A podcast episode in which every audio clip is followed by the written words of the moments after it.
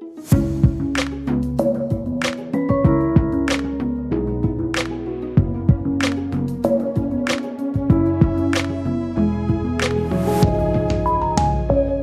mediefolk er oss sjøl lik, alltid på utkikk etter det store nye som kommer i den teknologiske horisonten. Men i dag derimot skal vi kikke bakover her i Kurer. Vi tar på oss historiebrillene og kikker på de teknologiske nyvinningene, de spennende formatene og alle de forsøkene på å skape nye medietrender og vaner som ikke nødvendigvis gikk så bra. Vi kikker oss bakover for å mimre litt, og kanskje humre litt.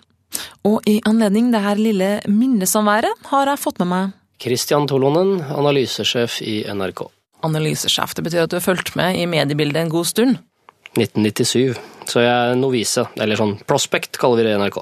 Og du skal ta oss gjennom mediehistoriens mer eller kanskje helst mindre vellykka eh, ideer, formater, eh, innholdsoppfinnelser. ja, fails and eh, trends of medieverden.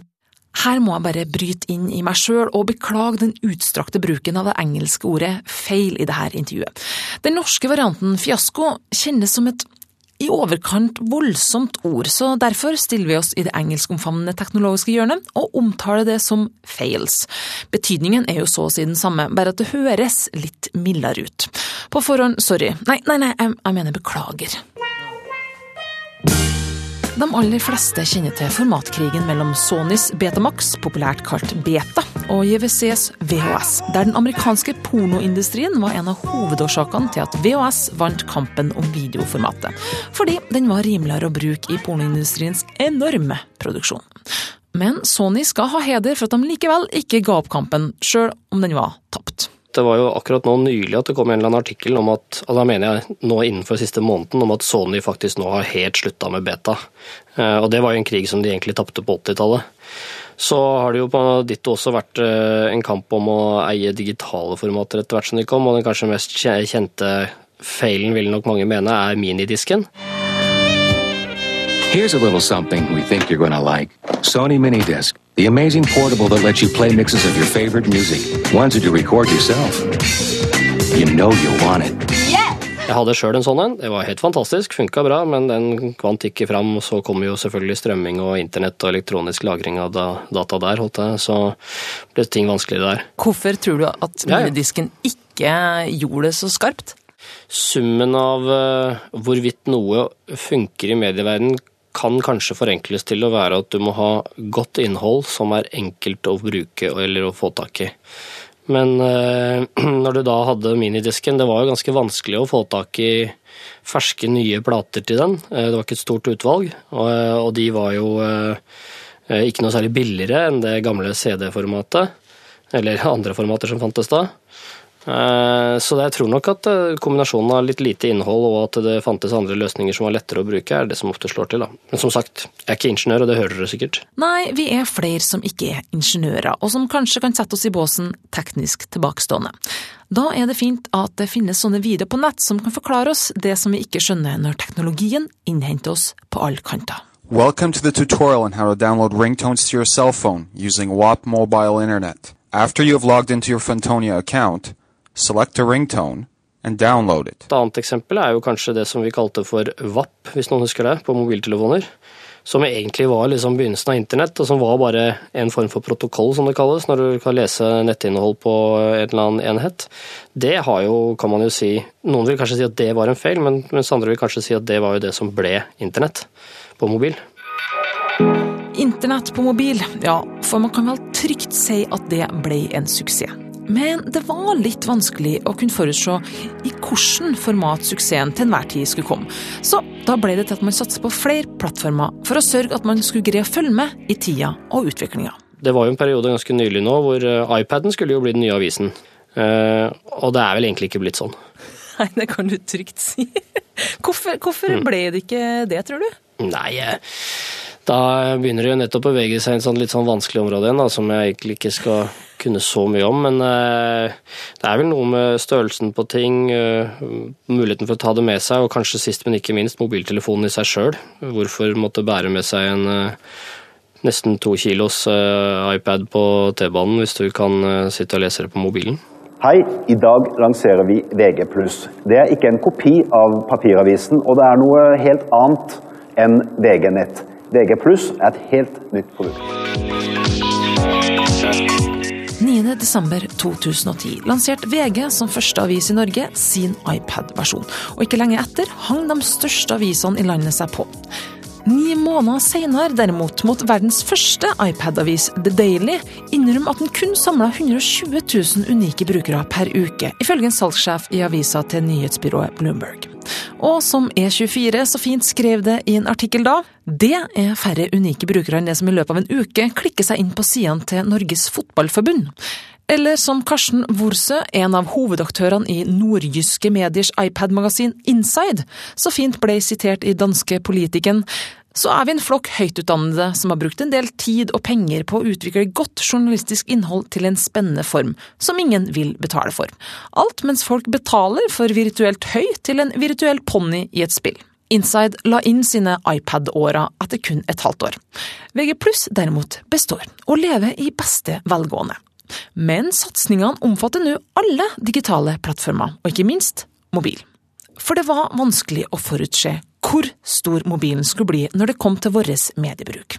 NRK er jo på en måte, litt som veldig mange andre store aktører i mediebransjen, så er vi nok litt der at av og til så har vi vært virkelig langt framme, litt for tidlig. Vi hadde jo et, en stor satsing på mobil. At folk skulle bruke mobilen ganske tidlig. Deriblant så hadde vi denne serien til Harald Eia, som vi lagde video for mobil med små snutter og alt mulig. Heia! Hjertelig velkommen til Rubenmanns videoblogg. Og mange av dere lurer sikkert på følgende. Husker du denne karakteren? I 2007 satsa NRK på Rubenmann og lanserte Norges første serie laga eksklusivt for mobil-TV. Men det norske folk derimot var ikke helt med på notene. Som var en lisjesuksess. Den var jo ikke noen stor publikum, sånn kjempestor suksess sånn som TV-programmene til Harald Eia og Bård Tufte Jansen, men den var noe. Men den var veldig tidlig, og hadde den vært nå i dag, akkurat nå, så ville det kanskje vært en større sak rett og slett i forhold til mange som hadde brukt det, for nå er det mange flere som bruker mobilen på internett enn det det var da.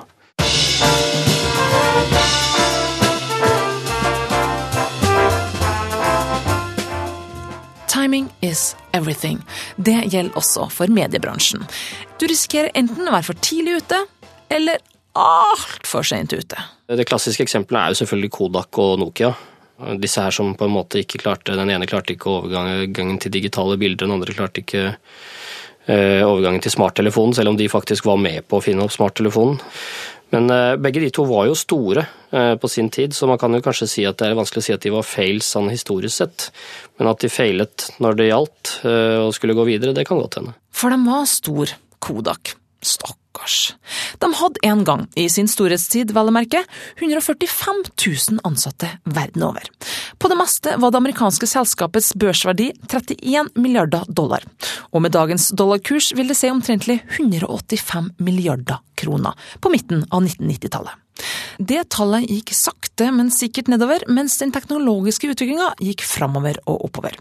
Og da digitalkamera kom, tok det fullstendig knekken på dem. De sa seg konkurs i 2012, og i tiåret før det hadde de stengt 13 fabrikker, lukka 130 fotolaboratorier og sagt opp 47 000 ansatte, ifølge Aftenposten. 47 000, det er jo, la meg bare gjøre et kjapt søk på nettet, det er det samme som om absolutt alle innbyggerne i Indre Østfold-kommunene Askim, Eidsberg, Hobøl, Skiptvet, Spydberg og Trøgstad skulle miste jobben sin, det.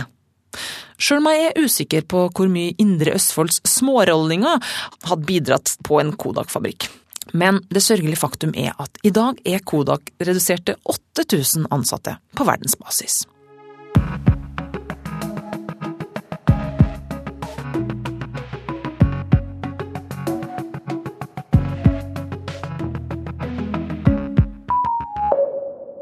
Teknologien utvikler seg lynraskt, og vil du være med, så heng på.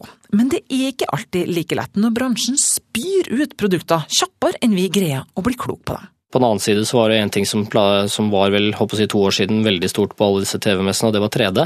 Oh yes. og 3D har jo også vært ganske hypa, og det er selges ganske mange TV-er med 3D-mulighet i Norge. Men hvor mange som ser hvor mye 3D på de, det tror jeg nok er et veldig lite tall. Det er jo ganske interessant også da kanskje å bevege seg litt over fra det landskapet som er litt sånn teknisk, da, hvor vi hadde beta og minidisken og kanskje til og med 8-tracken i biler som tapte til kassetten. Uh, VAP og HD-DVD som tapte for uh, Blu-ray, var det vel, osv.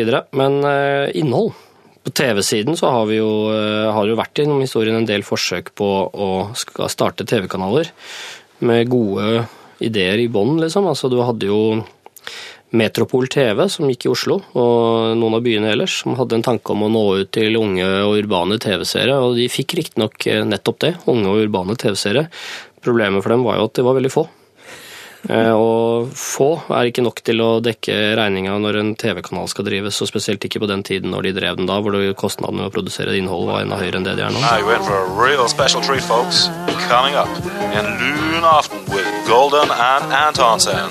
Den gikk jo inn etter halvannet års drift eller noe sånt, selv om de hadde en programmeny som jeg er helt sikker på at veldig mange av lytterne på Kurer og folk som meg og andre syntes var veldig bra, da. Med engelsk humor og smarte kveldstalkshower. The Heartland of Scandinavia, som det står her. Det er vel en slags, er det en slags novelle, eller er det mer en slags eh, et innsalg for Østfold? Dette her er 15 siders oppslag eh, om som forteller deg alt du ikke visste om Østfold Østfold continues to be the leading region in Northern Europe. Mm. Vi Sjøl om Metropol TV ikke overlevde, så fikk vi mange kjente TV-fjes ut av det, som Sara Natasje Melby, Atle Antonsen, Johan Golden, Kristin Skogheim og Håvard Lilleheie. Aldri så gæli at det ikke er godt for noe. På kirkegården for TV-kanaler og radiokanaler ligger det mange godt begravde kanaler som ikke greide seg i det lange løp. Nyhetskanalen V6 Norge, The Voice Norge, Norsk TV1, Sportskanalen, Kanal M, 3 pluss, TV pluss, Viasat pluss, pluss et knippe radiokanaler. P4 Bandit, NRK Metro, Scandic-radioen, NRK Gull og sist, men ikke minst. Og så har du vel eh, på radiosiden den eh, kanskje den største kan vi vel si feilen eh, i nyere tid, var jo Kanal 24! Eh, hvor eh, de vant konsesjonen fra P4, og det var jo en ganske salig runde med ting som ble snakket om da når eh, daværende kulturministeren fra KrF ga Kanal 24 den riksdekkende konsesjonen. To uker før Kanal 24 skulle på, så stoppet P4 å sende på den samme frekvensen, slik at det var stille og dødt i to uker. På den frekvensen. Og da var det jo ikke så rart at det var ikke så veldig mange som startet med å lytte på den første nyttårsdag, eller hva det var for noe. Og den kom seg aldri videre ut fra det, da. Tror du at det er hovedårsaken, eller er det flere grunner på at den bare forsvant og måtte gi opp? Nei, Jeg vil jo kanskje lure litt på, da. Nå er jo ikke jeg eh, journalist heller, holdt jeg på å si, eller radiomann, som lager radio. Men eh, den ble nok litt fram, feil framstilt, hvor de sa at de skulle ha målgruppe kvinne 32 år. Eh, og så ble det til at det var bare kvinnen 32 år skulle lytte til dem. Og det er jo tross alt ikke så mange kvinner i 32 år i Norge totalt sett, så det blir jo ikke noe volum av det, og da blir det ikke noe reklamesalg. Kvinne 32, ja. En urban myth som har versert i Medie-Norge siden 2004, og som Kanal 24 aldri har helt blitt kvitt, ifølge daværende kanalsjef Arne Krumsvik.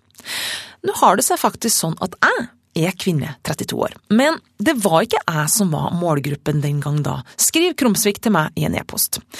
Kvinne 32 var en såkalt førstelytter, et begrep som man brukte internt i utviklinga for å få en retning på hvilken type innhold man ville ha i kanalen. Men som Krumsvik skriver, Kvinne 32 var aldri målgruppa, og skulle heller ikke ut i offentligheten. Men som TV 2 likevel fortalte om i sin hovedsending et par dager etter at Krumsvik og co. hadde orientert om førstelytteren på et internseminar. Ironisk med tanke på at det var TV 2 som var hovedeier i Kanal 24. Og til tross for at kanalen gikk offentlig ut og begravd førstelytter Kvinne 32 et par dager senere, ble de aldri kvitt henne.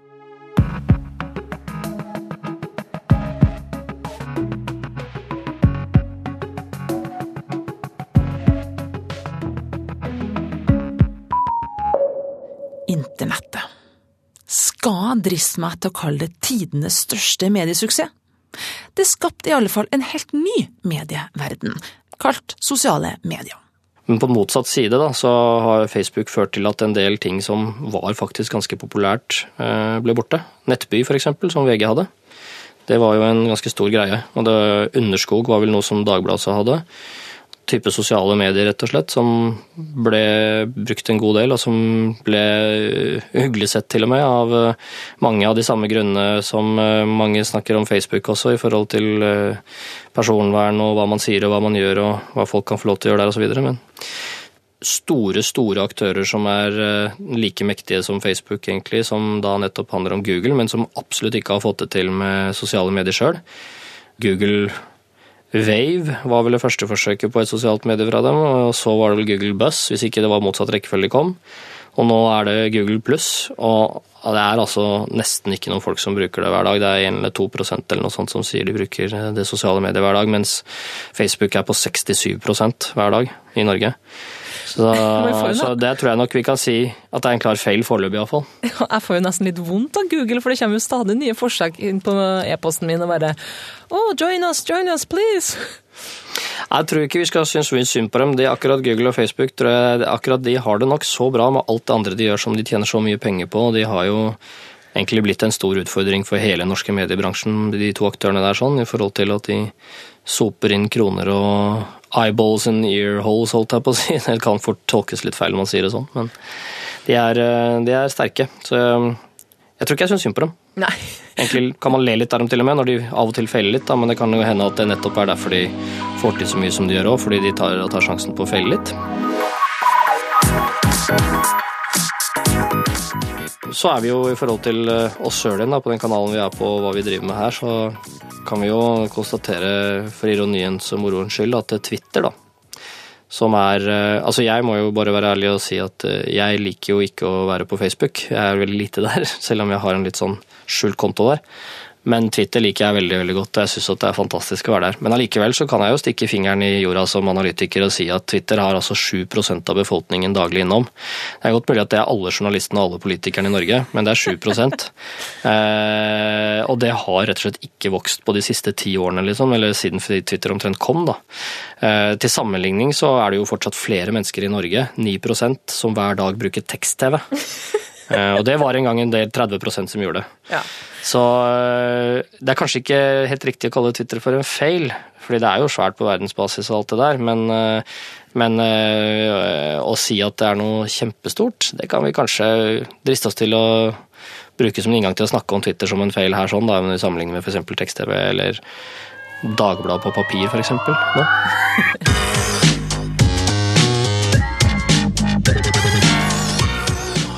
Twitter var hypa når det kom i 2006. Ingen tvil. Det her skulle bli det nye Facebook.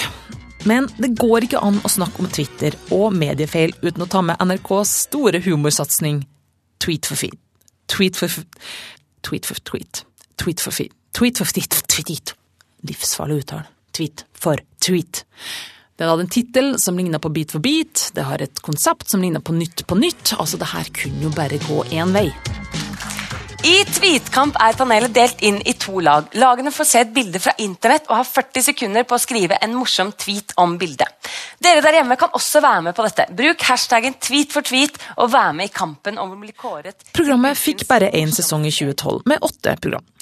Seerne uteblei, og slakten den kom fra mange kanter, og naturlig nok mest på Twitter. For Sånn jeg oppfatter det, så er det jo Medie-Norge, og så er det politikere, kjendiser slash komikere og fjortiser som er på Twitter.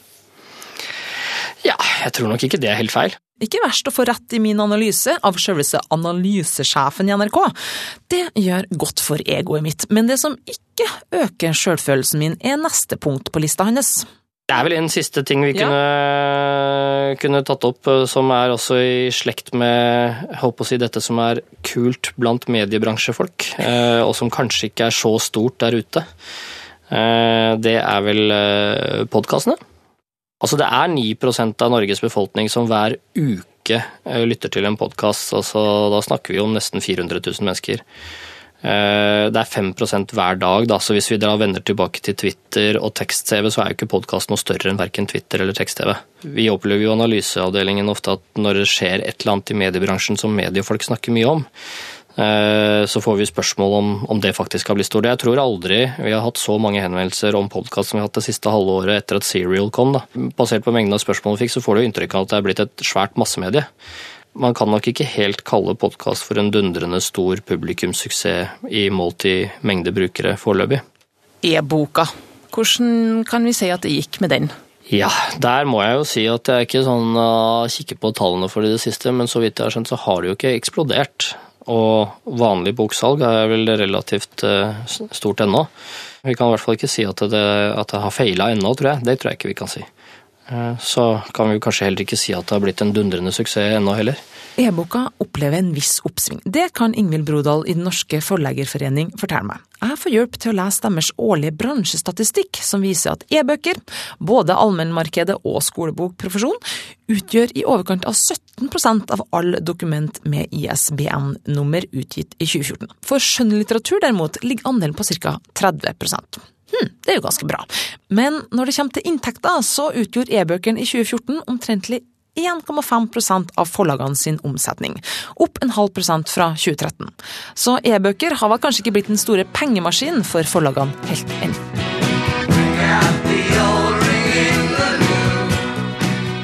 Nå som vi kikker et nytt år i hvitøyet, hva tror analysesjef i NRK, Kristian Tolonen, at vi vil se i 2016 av medietrender? Eller fails? Jeg lar han pusse krystallkula og fremstille noe mer eller mindre lettbeinte spådommer, også kjent som lett kvalifisert gjetning. Hva jeg ser, altså hva kommer til å bli, det veit jeg ikke, men vi kan jo spekulere. Jeg tror vel eh, For det første så kommer vi til å se i, eh, i 2016 at eh, lineær TV på den tradisjonelle kringkastede måten ikke dør i 2016 heller. Altså Dernest så tror jeg vi kan også si at radio, det å sitte og lytte til kringkastet lineær radio, det kommer heller ikke til å dø til neste år. Det jeg tror vi kommer til å se mer når det kommer på endringssiden, så vil jeg vel egentlig satt mesteparten av pengene mine på Altså, jeg har ikke så mye penger, jeg jobber tross alt i NRK. Så ville jeg nok satt det på at mobiltelefonen fortsetter å øke i sin viktighet på alle fronter. Altså disse Kosebamsene våre har blitt altså så viktige for oss, og vi gjør så mye med de.